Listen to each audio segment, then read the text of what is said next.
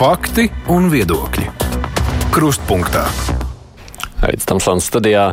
Pirms pāris mēnešiem uzzinājām, ka darbinieku trūkuma dēļ valsts ugunsdzēsības glābšanas dienas uz laiku nolēma apturēt 18 posteņu darbu, lai optimizētu savus cilvēku resursus. Tas bija rudenī vēl. Nu, ir klāta saltā ziema, kas, protams, arī vienmēr rada jaunas riskus, arī daudzās autoavārijas parasti jau šajā laikā dienestam ir vairāk darba. Domājam par šo visu jautājumu, kā viņi tiek ar visu galā, kāda ir vispār tā pašreizējā situācija. Šodien amatpersonu stundas aicinājuši valsts ugunsdzēsības glābšanas dienas priekšnieku vietnieku Mārtiņu Baltmani. Labdien! Labdien! Viņš ir gatavs atbildēt žurnālistu un klausītāju uzdotiem jautājumiem. Jūs sūtiet to vislabāk rakstiski caur mājaslapu. Latvijas radio viens mājaslapu nosūtot ziņu redzamam kruspunktā. Šeit ir arī kolēģi Artūrs Pikors, TVNet portāls. Sveiki! Sveiki! Un Kristaps Ugains ziņa aģentūra Leta. Labdien! Tie posteņi joprojām slēgti. Nu, mēs jau arī pirmajā preses relīzē, kad paziņojam par šo uzsvērām, ka vienlaicīgi viņi nebūs slēgti. Jā. Tā ir īslaicīga darbības apturēšana un izkliedus. Jā. Līdz ar to nevienu dienu nav bijis, ka visi 18 ir būtu īslaicīgi apturēti. Jā. Šobrīd kaut kādā ziņā īslaicīgi apturēti ir četri tikai. Mm. Jā. Kā jūs to izvēlaties, kurā brīdī tā ir vienkārši rotācija vai tā ir kāda situācija? Nē, nē, protams, katrā mums ir piecas teritoriālās struktūrienības attiecīgi. 2020. gadā mēs veicām pirmo riska novērtējumu vispār mhm. administratīvās teritorijās, kur ņēmām vērā deviņus riska avotus dažādus. Tā tad bija nu, kaut kāda datos balstīta analīze. Tā skaitā tur iekļaujas arī visi izbraukumu skaiti un, un iedzīvotāju blīvums, iedzīvotāju skaits. Un, attiecīgi, Mm, tad, eh, balstoties uz šo informāciju, mēs arī identificējam 18, kurus nu, ir iespējams īslaicīgi eh, darbību apturēt. Eh, bet nu, tajā pašā laikā. Nu, kurā dienā, kuru vaļā, kuru ciet? Tas lai tas tāds... nebūtu vienlaicīgi, piemēram, blakus esošas struktūra vienības uh -huh. īslaicīgi apturētas, vai, vai piemēram, visas 18 vienlaicīgi apturētas. Un tāpat arī iekšējā kārtība nosaka, ka īslaicīga darbības apturēšana ir pēdējais. Tātad. No sākuma mums ir pārdislokācija resursu. Tātad, nu, piemēram, Zemgales reģionā mums decembrī tikai pārdislokācijas ir bijušas 100, 103. Ja, tātad no citām struktūrienībām vai nu personāls vai nu tehnika tiek pār, pārdislocēta. Nu, tādējādi viena ir īslaicīgi apturēta, bet, nu, teiksim, Mēs, protams, samazinām spēju automātiski, varbūt tur, kur ir vairāk notikumu, Jā, ar to ir jārēķinās, no to mēs arī rēķinamies. Bet tajā pašā laikā mēs esam tuvāk varbūt iespējamam notikuma vietai. Tāpēc tas ir teikt, ļoti niansēts process. Katru nedēļu mēs par to izdiskutējam ar teritoriālām struktūrībām, un tiešām tas arī ir ļoti daudz mūsu nodarbināto vadīšana uz citām vietām, kā jau minēju, teiksim, pārdislokācija vienā reģionā vienā mēnesī 102 reizes, citos reģionos man te ir 52, 44, 16 reizes, respektīvi. Un, un tur arī ir ietekme nodarbināto skaitam. Jo mums ir jānodrošina dzīves glābšanas spēja, respektīvi minimālā mūsu nodarbināto skaits, kas ir nepieciešams, lai mēs varētu izglābt cilvēka dzīvību.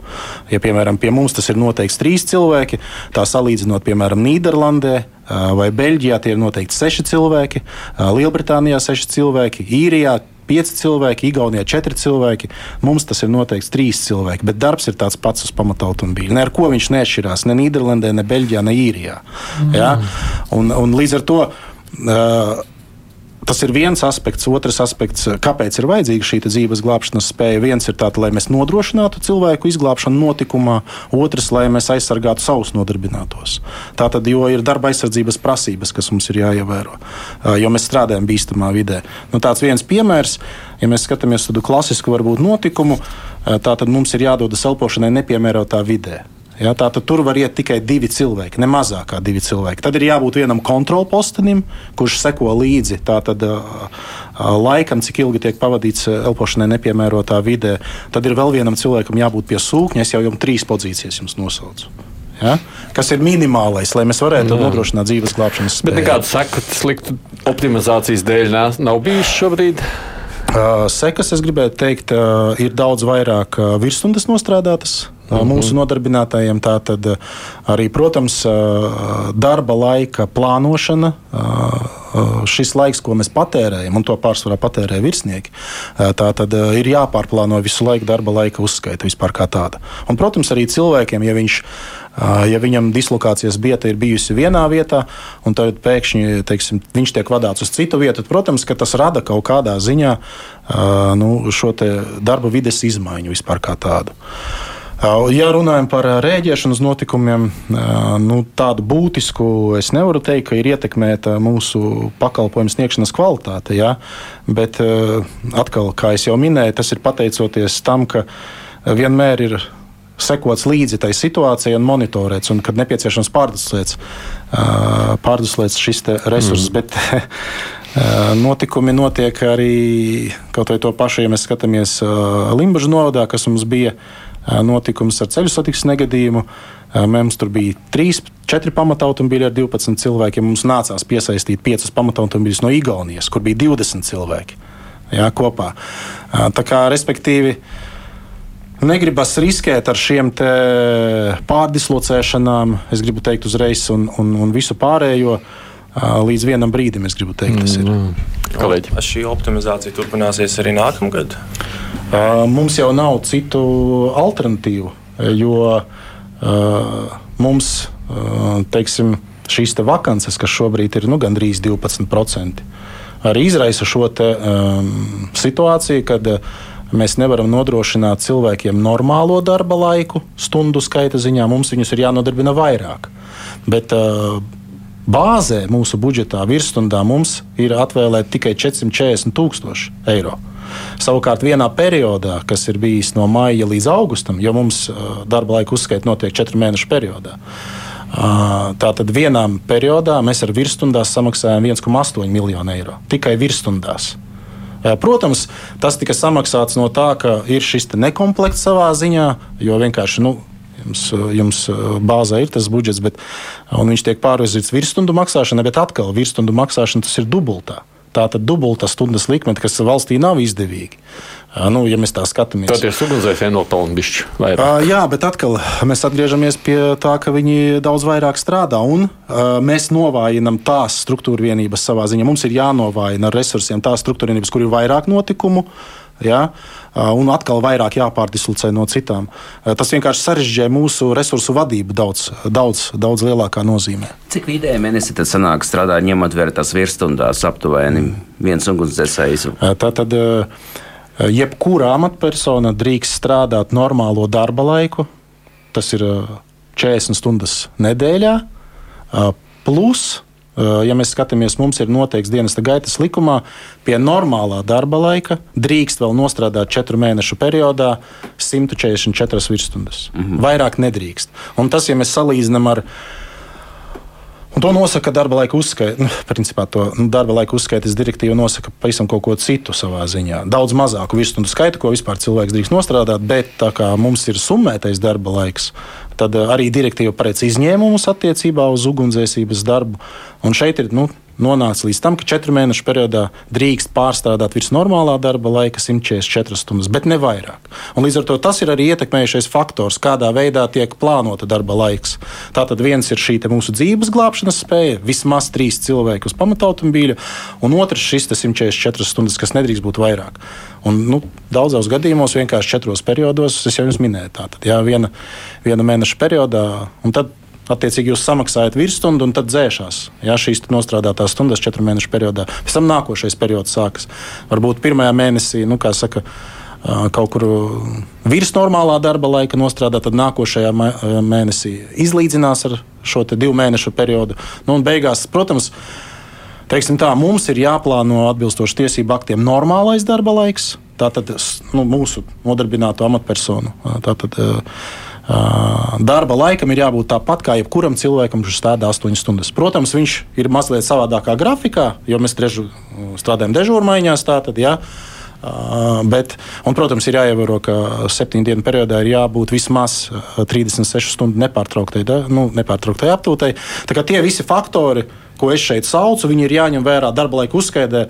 Un, kā jau teicu, šis ir nu, sarežģīti arī no administrēšanas viedokļa. Tāpēc vienīgi par, par tām virsstundām un dubultā maksāšanu nu, satversmes tiesas lēmumu tika noteikts, ka no 1. jūlija jāapmaksā svētku stundas Mhm. dubultā. Mm -hmm. rakstams Bērziņa kungs, bet par 18. novembri joprojām nav saņemta samaksa. Kāpēc? Nepildāt. E, Kāpēc nepildam? E, Tāpēc, ka līdz šim, protams, tāpat kā karavīriem, iekšlietu ministrijas nodarbinātajiem arī bija izņēmums, ka nekompensē šīs mm. svētku dienas. Satversmes tiesa lēma, ka no 1. janvāra. No 1. janvāra 2023. gada mums ir jāizmaksā. Raksta no 1. jūlija 22. gada. Uh, mēs pieņēmām lēmumu ātrāk. Tā tad maksāt. Mm. Nu, principā ne mēs pieņemam, bet ministru kabineta protokolā okay. mums tika izdots, ka no 1. jūlija tas ir jāsāk darīt. Bet atkal, uh, protokolā tika norādīts, ka svētku dienas apmaksā no uh, virzot uh, valdības prioritāros pasākumus. Mēs to esam iekļāvuši uz nākošo gadu, bet uz šo gadu mēs pieprasījām uh, tātad līdzekļus no neparedzētiem gadījumiem. Šis 18. novembris mums izmaksā 80 tūkstoši. Nu, kamēr gāja, tātad pēc 18. novembra mēs apkopojām visus datus, kas mums strādāja, iesniedzām Finanšu ministrijā nu, pareizāk sakot, ministru kabinetā pieņemts lēmums. Tālāk ir finanšu ministrijas rīkojums, un vakardien, tieši vakardien, atnāca rīkojums, ka mums ir piešķirts no līdzekļiem neprecētiem gadījumiem 80 tūkstoši eiro šīs 18. novembra svētku dienas uh, apmaksāšanai. Tā kā tagad finanšu plānu pārvalde attiecīgi jau rēķina un drīz būs. Tūlīt būs. Jā. Okay. Jā, jūs minējāt, ka trūks darbinieku. Vai šī situācija ir vienāda visā valstī, vai ir kaut kāda reģiona, kur trūkst vairāk mm -hmm. un kaut kādos mazāk? Mm -hmm. uh, Rīga un Pierīga uh, trūkst vairāk. Tie ir 27% iztrūkums. Jā. Pārējos reģionos ir mazāk, bet nu, arī diskutējot ar mm, reģionu vadību. Arī tur situācija mainās. Jā, pirms trīs gadiem, piemēram, Jelgavā, uh, nevis Jelgavā, bet Jēkabīlī mums stāvēja rindā ugunsdzēsēji glābēji, tad šobrīd vakances uh, ir ilgstoši izsludinātas un nav neviens pieteicies. Uh, tā kā tas uh, sāk pārnesties arī uz reģioniem šī te, uh, problemātika savā ziņā. Un, un vidējā mūsu darba samaksa šobrīd uh, valsts ugunsdzēsības glābšanas dienestā ir 1031 eiro brutto. Tātad tas vēl, ja mēs rēķinām neto, tad jānoņem aptuveni 30% nost. Uh, un uh, mēs atpalikam no vidējās darba samaksas tautsēmniecībā par 32%. Arī šis piešķīrums, kas būs, uh, nu, principā viņš ir jau iezīmēts ministra kabineta lēmumu uz nākošo gadu, ņemot vērā inflāciju un nu, kaut kādu ekonomiju, kas mums bija atlīdzības bāzē, mēs jau šo pielikumu veicām 1. oktobrī. Tā kā nākošajā gadā mums nav iezīmēta. Kaut gan teiksim, tā valdības prioritārajā pasākumā mēs uz 2023. gadu prasījām 16,5 miljonus, bet iedeva mums 33% tikai no tā prasītā.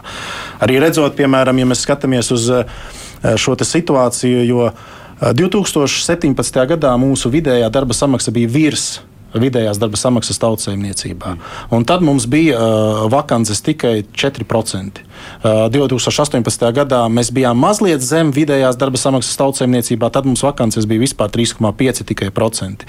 Redzot to, ka pamazām vakances palielinās, mēs arī rakstījām valdības prioritoros pasākumus uz piemēram, 2020. gadu mēs prasījām 9,1 miljonu atlīdzībai papildus, lai piešķir, mums piešķīra tikai 27% atlīdzībai. 2021. gadu mēs prasījām atlīdzībai sanāk 9,8 miljonus. Vispār nepiešķīra mums atlīdzībai uz to gadu. 2022. gadā mēs prasījām 16 miljonus papildus atlīdzībai, piešķīra tikai 28,6% no tā, ko mēs prasījām. Un vēl ir jārēķina to, ka no tā, ko mēs lūdzam, kā valdības prioritāro pasākumu, no tā vēl ir obligātā darba devēja iemaksa jāatņem no. Tas tā masa, kas mums paliekot pēc tam atlīdzībai, ir izdalīta, un tie ir 23,59%, kas mums ir tāpat jāatskaita atpakaļ. Viņa vēl sarūk, ko mēs varam sadalīt attiecīgi uz visām mūsu amatu grupām, attiecīgi nodarbinātām. Bet par šo runājot, klausītājs viens ugunsdzēsējs saka, ka nesamērīgi jau skatoties, pieņemsim par priekšniekiem. Priekšnieku, vugti priekšnieku vietnieku alga pieaugs par 40% esot, jā, nu, proti, te ir rakstīts tā tad bāzes alga bija 2937, šobrīd esot 4200. Liela starpība, savukārt ugunsdzēsējiem bija 895, šobrīd 930 mm -hmm. manā gadījumā. Režīmā, nu, kas ir tikai. Uh, redziet, uh, darba, darba algu nosaka ministru kabineta noteikumi. Kopumā ir 17 amatu grupas, un katrs no amatiem ir tātad atbilstoši nepieciešamai kvalifikācijai un nepieciešamai tātad kvalifikācija, tas ir izglītība, un nepieciešamai kompetencijai arī tiek ierindots pie noteiktas amatu grupas. Un ministra kabineta noteikumos arī ir noteikts, kāda ir šī minimālā, maksimālā darba algas likme. To nenosaka nu, kaut kādā ziņā, nezinu kaut kas cits, kā tikai tiesību nu, akts. Tas nozīmē, ka priekšniekiem pietiek, nepietiek strādniekiem. Jā, bet es jau minēju, ka mūsu vidējā darba samaksa, ieskaitot arī visus uh, virsniekus, kas ir tik un tā veidojas nu, 1031 eiro. Tas ir kopā ar visiem priekšniekiem, vai ne? Realtātē saņem vēl mazāk ugunsdzēsēji. Nē, tas tas. Man tas jautājums, kā ministru kabinets pamatot to atteikumu, jums piešķir papildu finansējumu? Kāds bija tas, kāda bija tā argumentācija, ar ko viņi skaidro šo lēmumu jums atteikt un nesniegt pietiekamu finansējumu? Uh, nu, šajos valdības prioritāros pasākumos ir visu ministriju valdību prioritārie pasākumi. Nu, un, attiecīgi, droši vien maks ir tik liels, cik viņš ir. Mm. Es, eh, nu, mums nav tādas atbildes, kāpēc konkrēti mums nepiešķir. Mums tā neinformē. Vienkārši, eh, cik es zinu, tur ir eh, simtiem prioritārie pasākumi no visām ministrijām iesniegti. Nu, tad, nu, tad ir droši vien. Mm kaut kas diskusija un lēmums, samāk, jā. uz ko novirzīt un ko atbalstīt. Nē, piemēram, arī es šeit runāju tikai par atlīdzību, bet uh, 2022. gadā laikam bija pirmais gads, kad mums pilnā apmērā uh, no valdības prioritārā pasākuma piešķīra transporta līdzekļu iegādēji ko mēs, bet atkal mēs prioritārā pasākumā prasījām ne tikai 2022. gadā, bet prasījām 23. un 24. jo tas ir jāiergudz iepirkums, un attiecīgi un tas nav tā, ka pamatautomobīli var aiziet un nopirkt veikalā. Ja? Tas uh, ir gana uh, ietilpīgs process, uh, līdz mēs nonākam vispār pie līdz. Uh, nu, tam aprīkojumam kā tādam. Jā, nu, ja es pareizi saprotu, tad jūsuprāt, tā galvenā problēma, kāpēc trūks darbinieku, tieši algas jautājums. Mūsuprāt, jā, tā ir galva. Es, es jau teicu, šī atpalīdzība no vidējās darba samaksas un, ir 32%. Un, uh, nav jau tā, ka mēs neprasām, kāpēc jūs ejat projām. Jā, šajās teritoriālās struktūrībās nu, runā ar cilvēkiem vienkārši, kāpēc jūs ejat projām. Mēs ejam uz privāto sektoru. Mēs ejam uh, uz Nacionālajiem bruņotajiem spēkiem. Jā, arī uz turieni. Tā arī pasaka, jo tur atalgojums ir lielāks.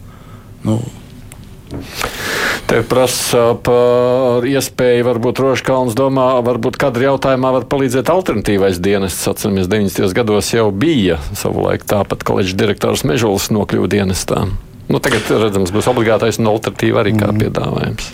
Nu, šobrīd jau notiek diskusija ar aizsardzības ministriju, un tiek virzīts attiecīgi gan tiesību aktu pakotne teiksim, attiecībā uz šo, un tur ir paredzēts arī eh, civilā Nu, teiksim, tie cilvēki, kas ne, kaut kāda apsvēruma dēļ nevar Militāri, teiksim, obligāti militāro dienestu iet, tad viņi varētu civilo dienestu. Un tad tur ir izveidota arī aizsardzības ministrijā darba grupa, kur tieši diskutējam par to.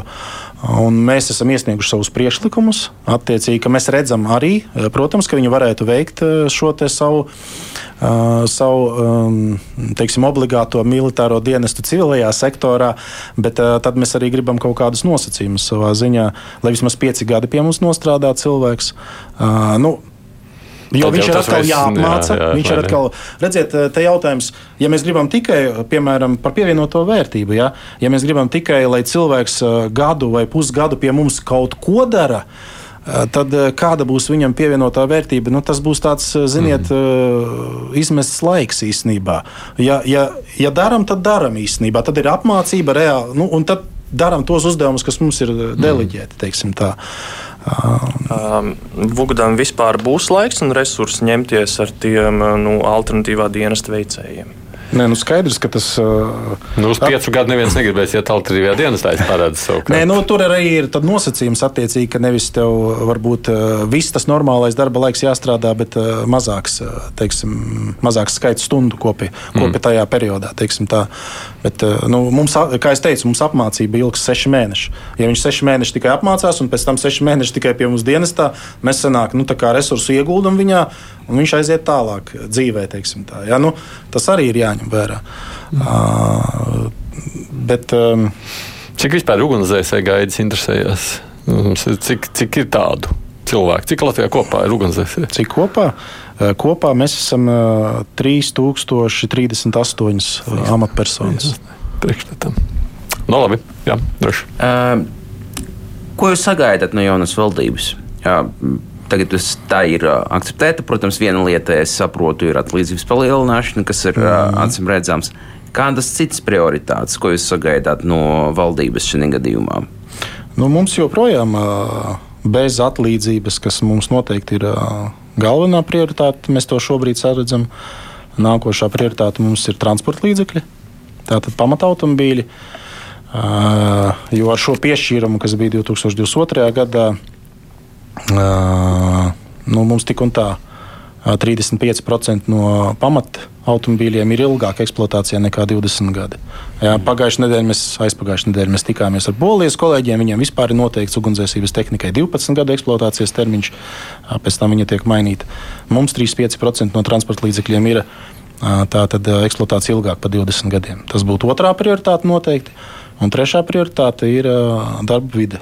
Tātad šie depo kuru jau nu, ir bijusi virzība kaut kāda attiecībā uz vienotiem katastrofu pārvaldīšanas centru būvniecību, kur mēs esam kopā ar policiju un neatliekamās medicīniskās palīdzības dienestu.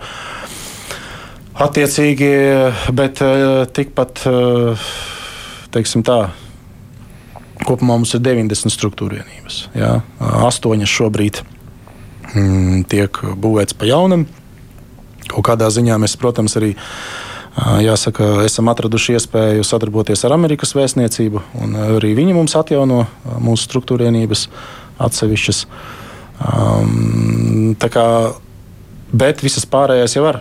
Uh, nav nekādā labā stāvoklī, un daži no tām ir ļoti bēdīgā stāvoklī.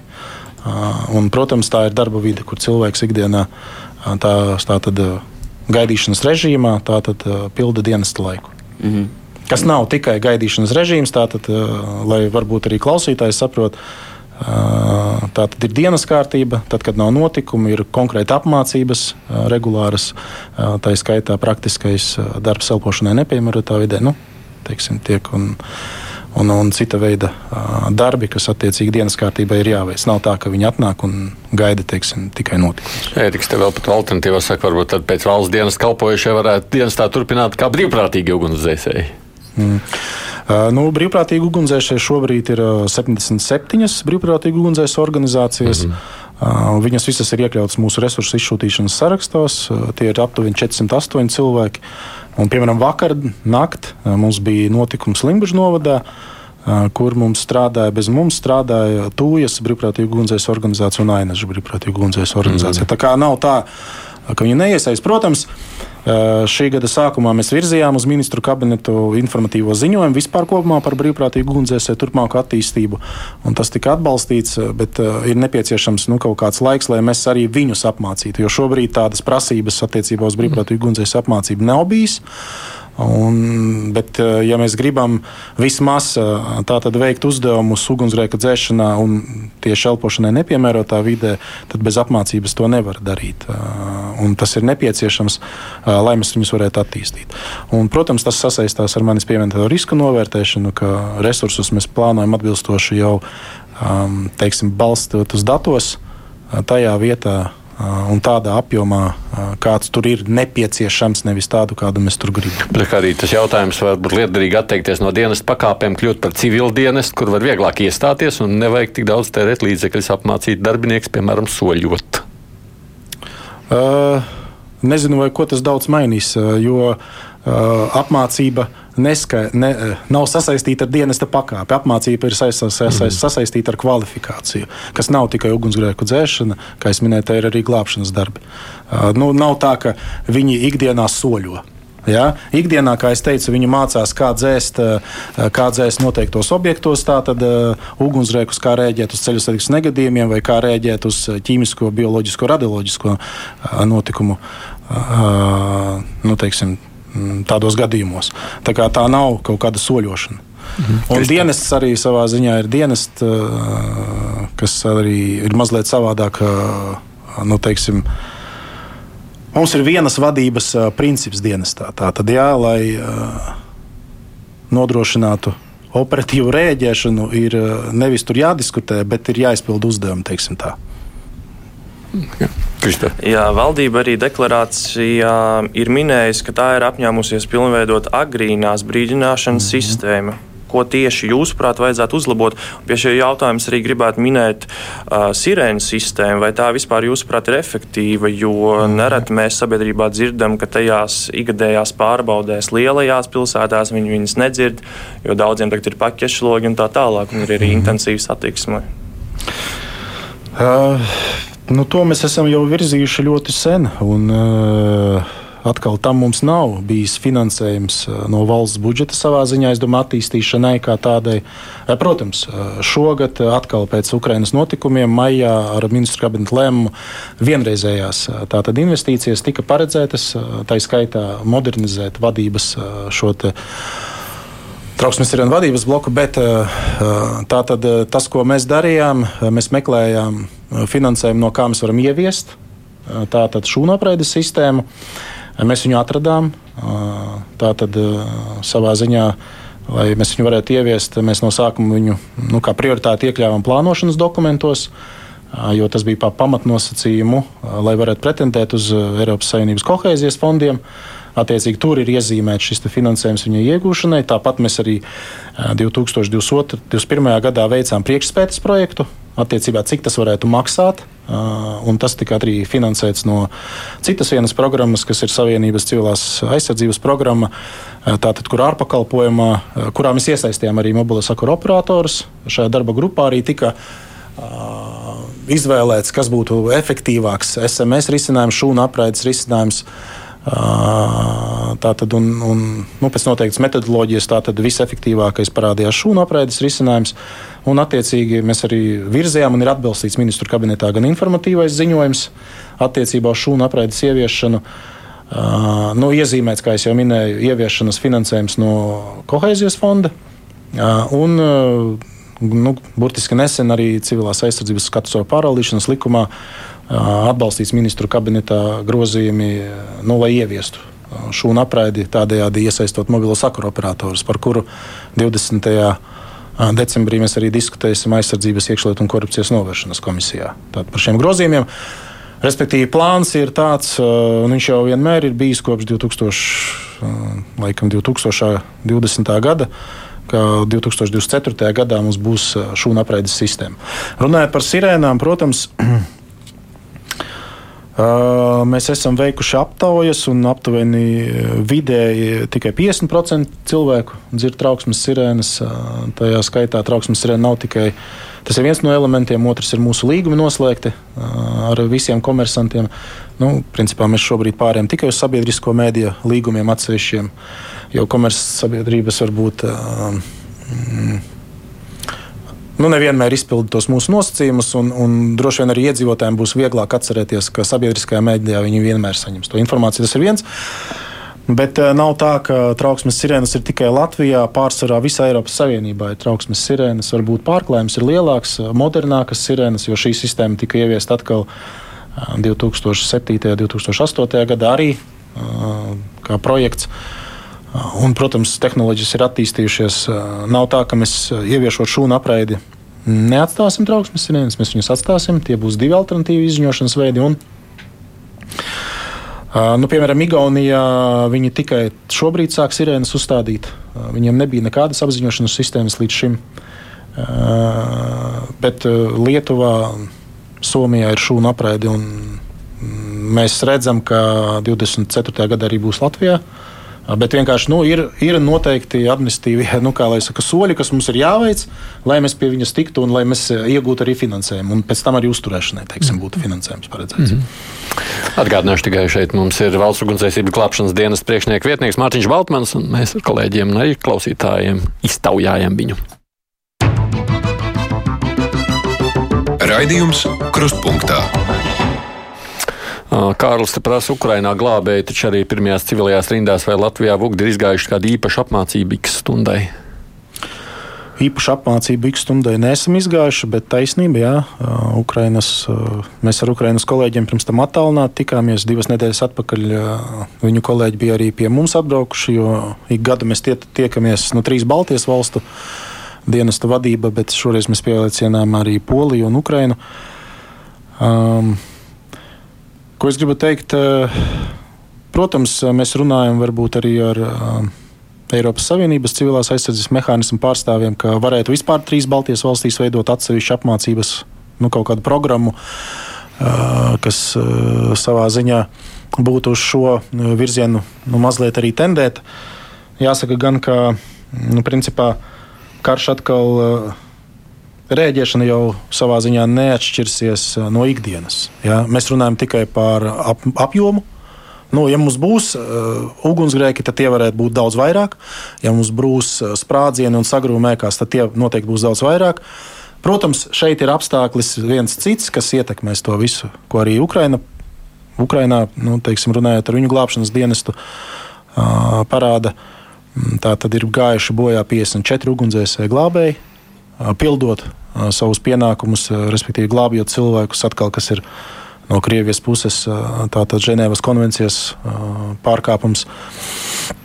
Tāpat arī viņi ir sagūstīti, tāpat arī viņi ir iznīcinātas struktūra vienības, un, un tāpat arī viņiem ir iznīcinātas transporta vienības, nu, pamatautomobīļi. Līdz ar to kaut kādā ziņā tas, kas viņiem papildus ir nācis no apmācības viedokļa, ir vēl bez individuālām aizsardzības liet, līdzekļiem lietot bruņu vestes. Attiecīgi un lietot nu, vēl kaut kādus citus. Tādus līdzekļus, kas aizsargā vēl no šī bīstamā faktora, kas ir radīts dēļ kara vai militāra iebrukuma. Mm. Vēlētos salīdzināt uh, Latviju ar citām Eiropas Savienības valstīm, ar Baltijas valstīm. Kā mēs izskatāmies uh, Lietuvas un Igaunijas teiksim, finansējuma ziņā? Cik tur mm -hmm. daudz procentuāli no IKP no budžeta piešķir mm -hmm. uh, līdzīgajām dienestām? Mm -hmm. Kā mēs izskatāmies viņu fonā? Uh, kā mēs izskatāmies? Uh, mēs izskatāmies tā, ka tā tad. Uh, Latvijā uz 100 tūkstošiem iedzīvotāju uh, ir 0,7 profesionāli ugunsdzēsēji. Mm -hmm. Igaunijā uz 100 tūkstošiem iedzīvotāju ir 1,1 profesionālais ugunsdzēsējs. Lietuvā uz 100 tūkstošiem iedzīvotāju ir 1 profesionālais ugunsdzēsējs. Mm -hmm. Uh, finansējuma ziņā, ja Latvijā ir viens... pagaidām, tie cipari kaut kā nesenāk, 100 tūkstošiem nevar būt. Tas mums jau cik tā mēs esam Latvijā. Uh, 3000 ugunsdzēsēju tas kopumā ir. Mēs Latvijā esam pusotrs miljons, simts tūkstoši nevar būt tikai viens iedzīvotājs, viens ugunsdzēsējs. Nu, labi, nav svarīgi. Matemātikā būs neprecīzi droši vien. es varu, nu, tā, tā, tas, ko man rēķināja, tādi man dati noteikti ir. Bet varam pār, varbūt, no, ka es kļūdījos. Jā, jā, droši vien, ka tur nulīdz būs jāsamāja vietām. Jā, nav svarīgi, turpiniet. Uh, vidēji uh, tātad viens Latvijas iedzīvotājs uh, par uh, mūsu pakalpojumu gadā uh, samaksā 29 eiro. Mhm. Uh, Igaunijā uh, pār Igaunijas glābšanas dienesta pakalpojumu iedzīvotājs samaksā uh, 59 eiro. Lietuvā 29, 59 eiro. Lietuvā mm. viens iedzīvotājs pār glābšanas dienas pakalpojumu samaksā uh, 45 eiro. Mm -hmm. Vidēji Eiropas Savienībā viens iedzīvotājs samaksā par glābšanas dienas pakalpojumu 64 eiro. Mm -hmm. Latvijā 29 eiro. -hmm. Runājot ar, liet, ar Igaunu kolēģiem, rī, viņiem nākamajā gadā paredzēts vienreizējs papildus finansējums 50 miljoni. Mūsu gada budžets ir 56 miljoni. Igaunijas glābšanas dienestam tikai. Vienreizēja investīcija nākamā gada, 2023. gadā, 50 miljonu transporta līdzekļu iegādēji un dažādu citādu aprīkojumu iegādēji. Nav nākamā gada. Uh, Igaunijā neviens ugunsdzēsējs glābējs iestājoties dienestā nesaņems mazāks kā 1620 eiro. Uz rokām vai brutto? Brutto. Mm -hmm. Latvijā vidējais ir 1031. Vidējais. Iestājoties dienestā, es jau teicu jums, 800. 50 un 780. Jā, te jūs prasat, starp citu, par to, ka var, nevar atteikties no tā ugunsdzēsēja glābēja palīga amata, kas neļauj nopelnīt par šo nelielu algu. Līdz ar to nevar daudz negrib, tāpēc arī iet strādāt. Nu, tas ir saistīts ar kvalifikāciju. Jo, nu, piemēram, iedomājieties, ja jūs atnākat uz radio un jums nav žurnālista kvalifikācijas, vai jums maksā žurnālista amatalgu? Nu, mums tur droši vien bija citādāk tas notiktu, jā, bet nu, doma skaidra. Nu, jā, jā, jā. es, es par to runāju. Jā. Mēs varam, protams, iet ceļu, kas ir tāpat kā valsts policijā un valsts robežsardzē, kur viņam ir kadets. Viņam mm. tiek piešķirta kadeta amats, kas mm. ir vēl mazāka samaksa. Mēs tomēr runājot ar ministriju, panācām to, ka mums ir mm. ugunsdzēsēji glābējs palīgs, kas atkal amatu grupā ir augstāks. Mazliet, bet tomēr lielāks atalgojums sākumā. Cik ilgi jābūt tam glābējam, palīgam, lai varētu tikt beidzot par ugunsdzēsēju? Nu, seši mēneši aptuveni. Apmēram pusgads, Apmēram jā, pusgads, pusgads. lai Jā, mēs izietu ok. apmācību. Labi.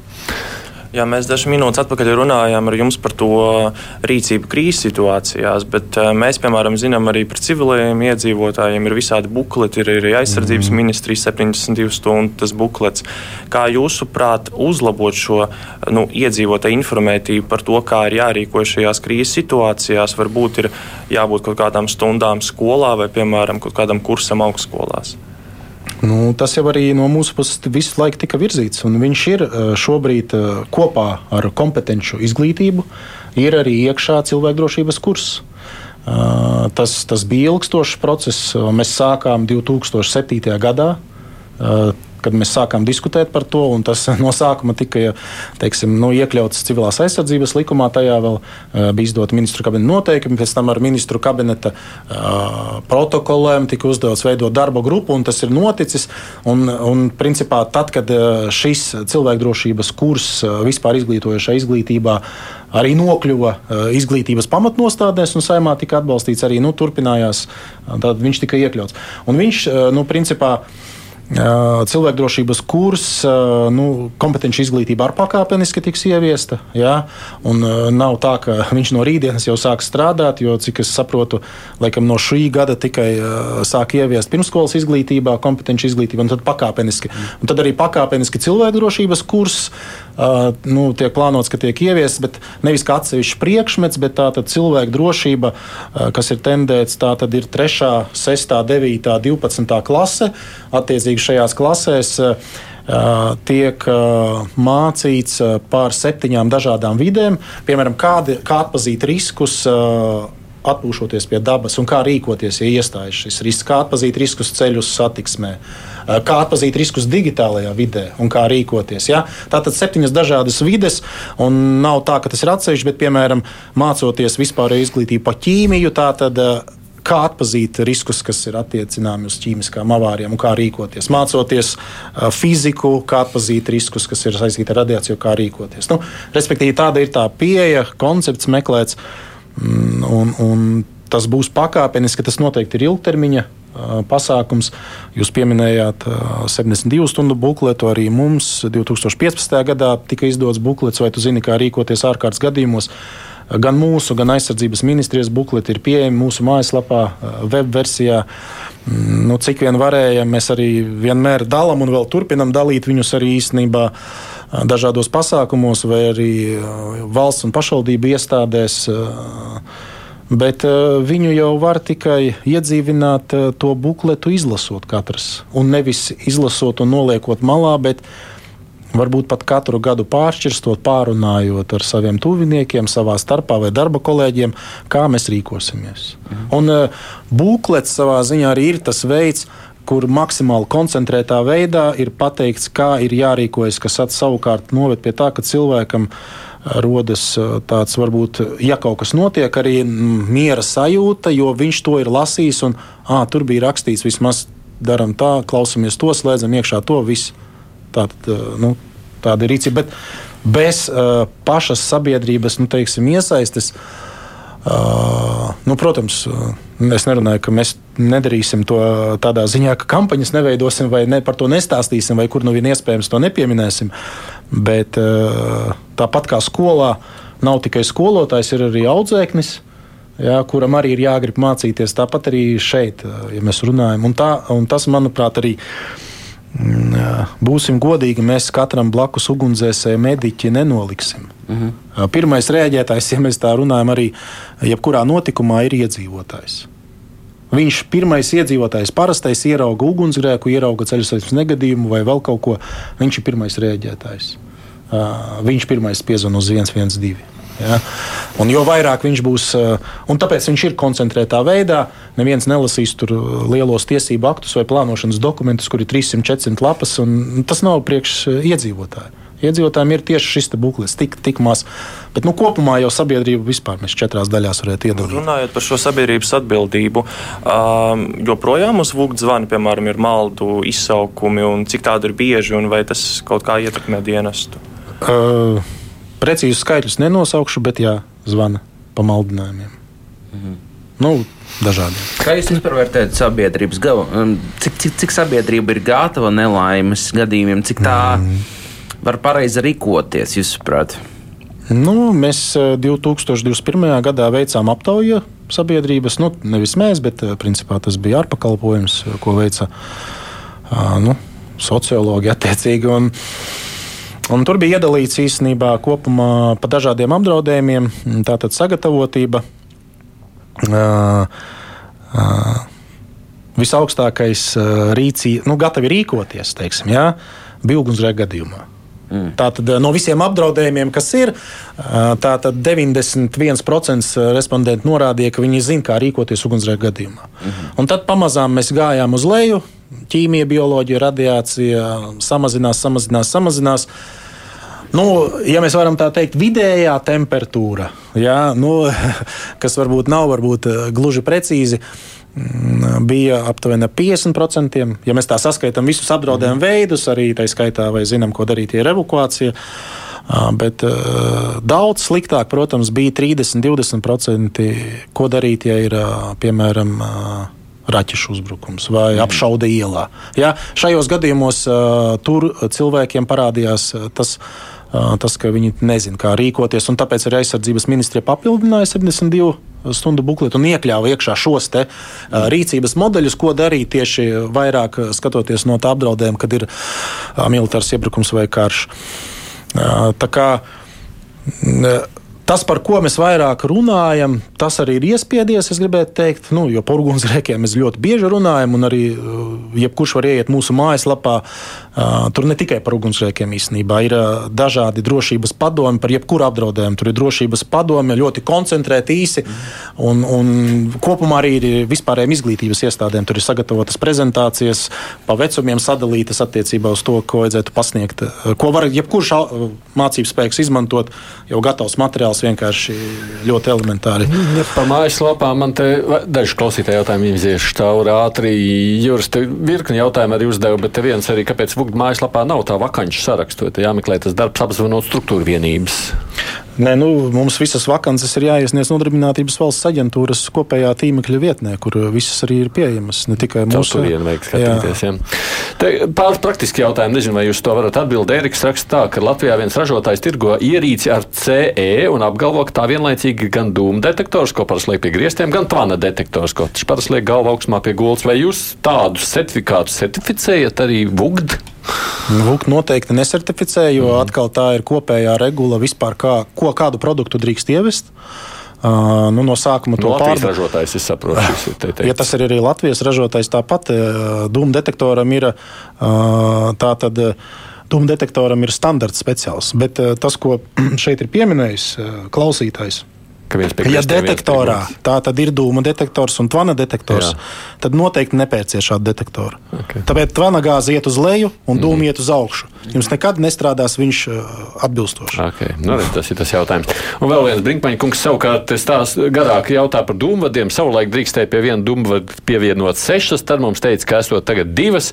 Nu, te viens mums raģos kursteņa laucis teica, ka tikai vienu var drīkstot likt klāt.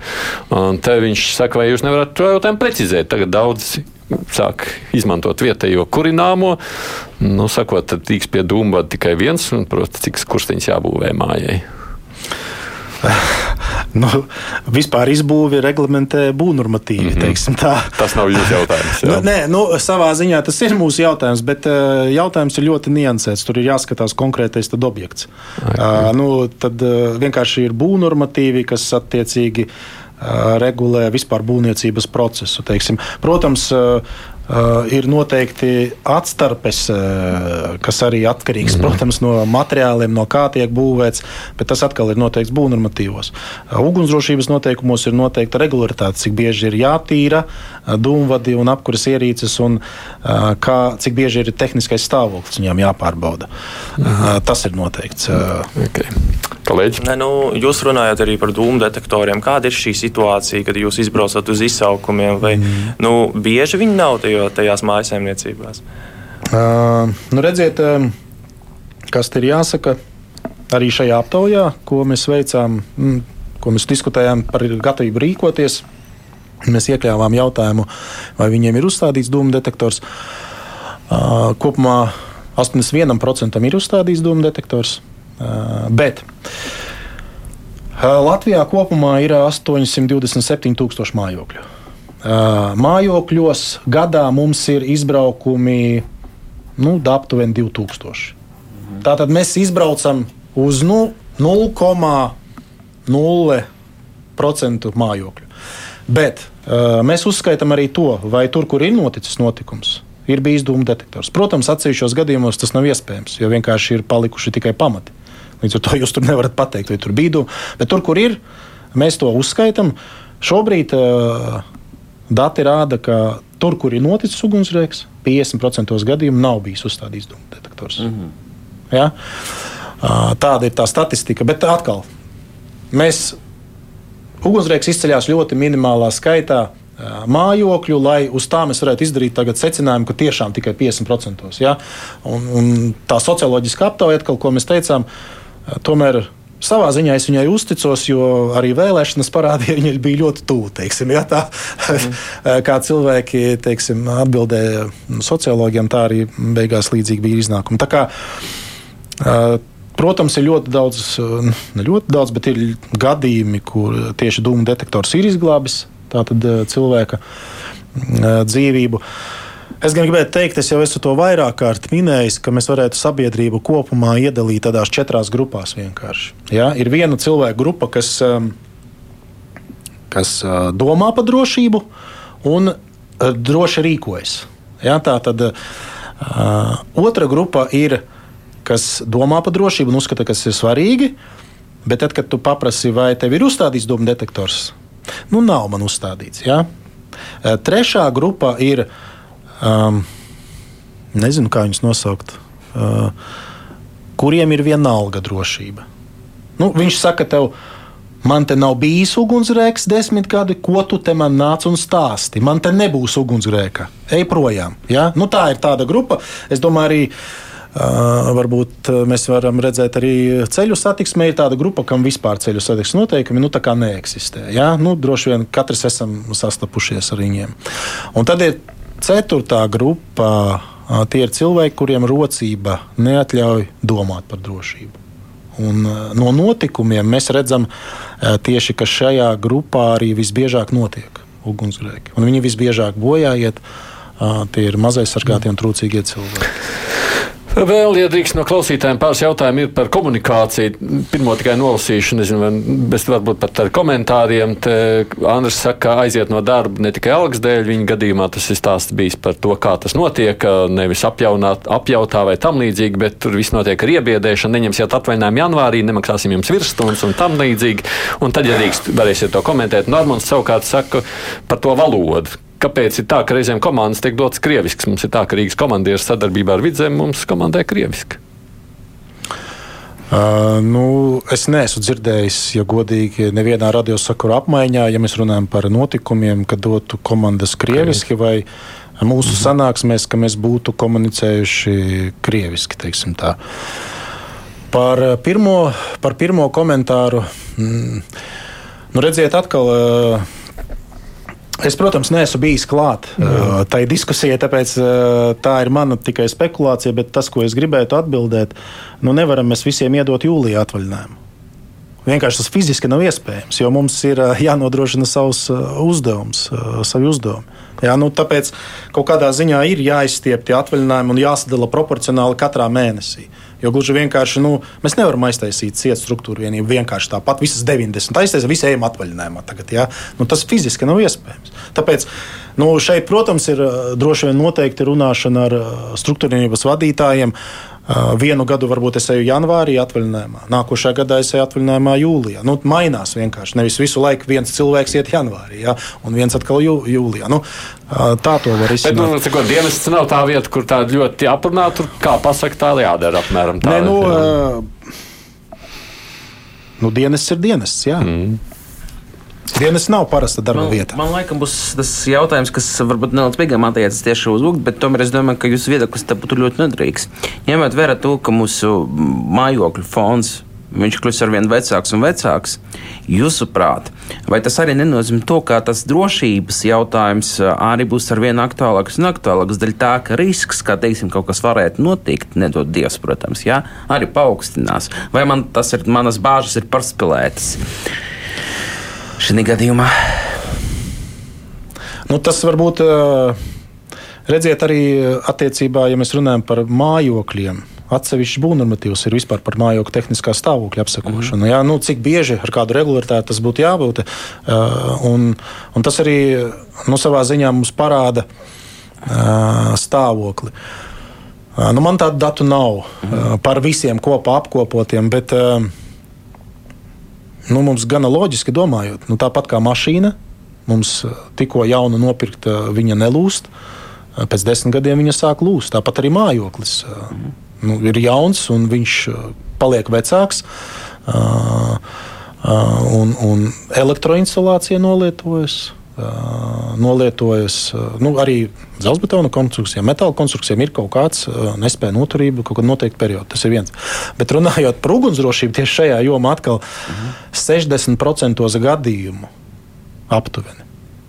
Iemesls, iespējamais iemesls ugunsgrēka gadījumā ir neuzmanīga rīcība ar uguni. Mm. Nevis, un, protams, nākošais ir apkuras ierīces, elektroierīces, kas veido nu, praktiski pārējo visu. Un ļoti minā, minimāli ir tīša dedzināšana vai vēl kaut kas cits. Uh, bet 60% gadījumu ir nepareiza rīcība ar uguni. Un no tiem 60% 28% cilvēki nopīpējas. Mm. Viņi pīpē mājās, aizmieg, un matracī ir porolons. Viņš izdala zilskābi 0,0, ja nemaldos, 3% gaisa koncentrācijā. Viss. Ja? Un e, šeit arī, e, kas šajos gadījumos ir e, būtiski, ir Tā tad mums nav uh, bīstamo faktoru, ko redzētu kaimiņi. Ir mazi dūmiņi kaut kādi, bet viņi ir ļoti indīgi. Un cilvēks aiziet bojā, un tad tas dūms, pie, teiksim, varbūt pēc divām, trijām dienām tikai kaut kas sāk parādīties, kaut kāda smaka. Tas jau ir ļoti pavēlu. Un tie ir 28% gadījumi, kad iet bojā cilvēki tieši šādos gadījumos. Ja? Smēķējot iekšā, vai es arī tā skaitā svecītes un viss pārējais. Mm. Nu, protams, ir arī. Mēs, nu, piemēram, nesen... Ir jau visādi, bet jā. piemērs nākošajā reizē stāstīsim, jā. tāpēc, ka mums jābeidz. Es saku paldies par atbildēm. Kā viens klausītājs saka, ļoti kompetents cilvēks jums esot studijā. Valsts ugunsdzēsības un glābšanas dienas priekšnieku vietnieks Mārtiņš Baltmans bija šeit. Paldies, ka atnācāt. Paldies kolēģiem. Arturs Bikovs no TVN, Kristaps Ugains no ziņa aģentūras Leta. Producents tevi Junāms, studijā bija savukārt es Aidis Tomsons.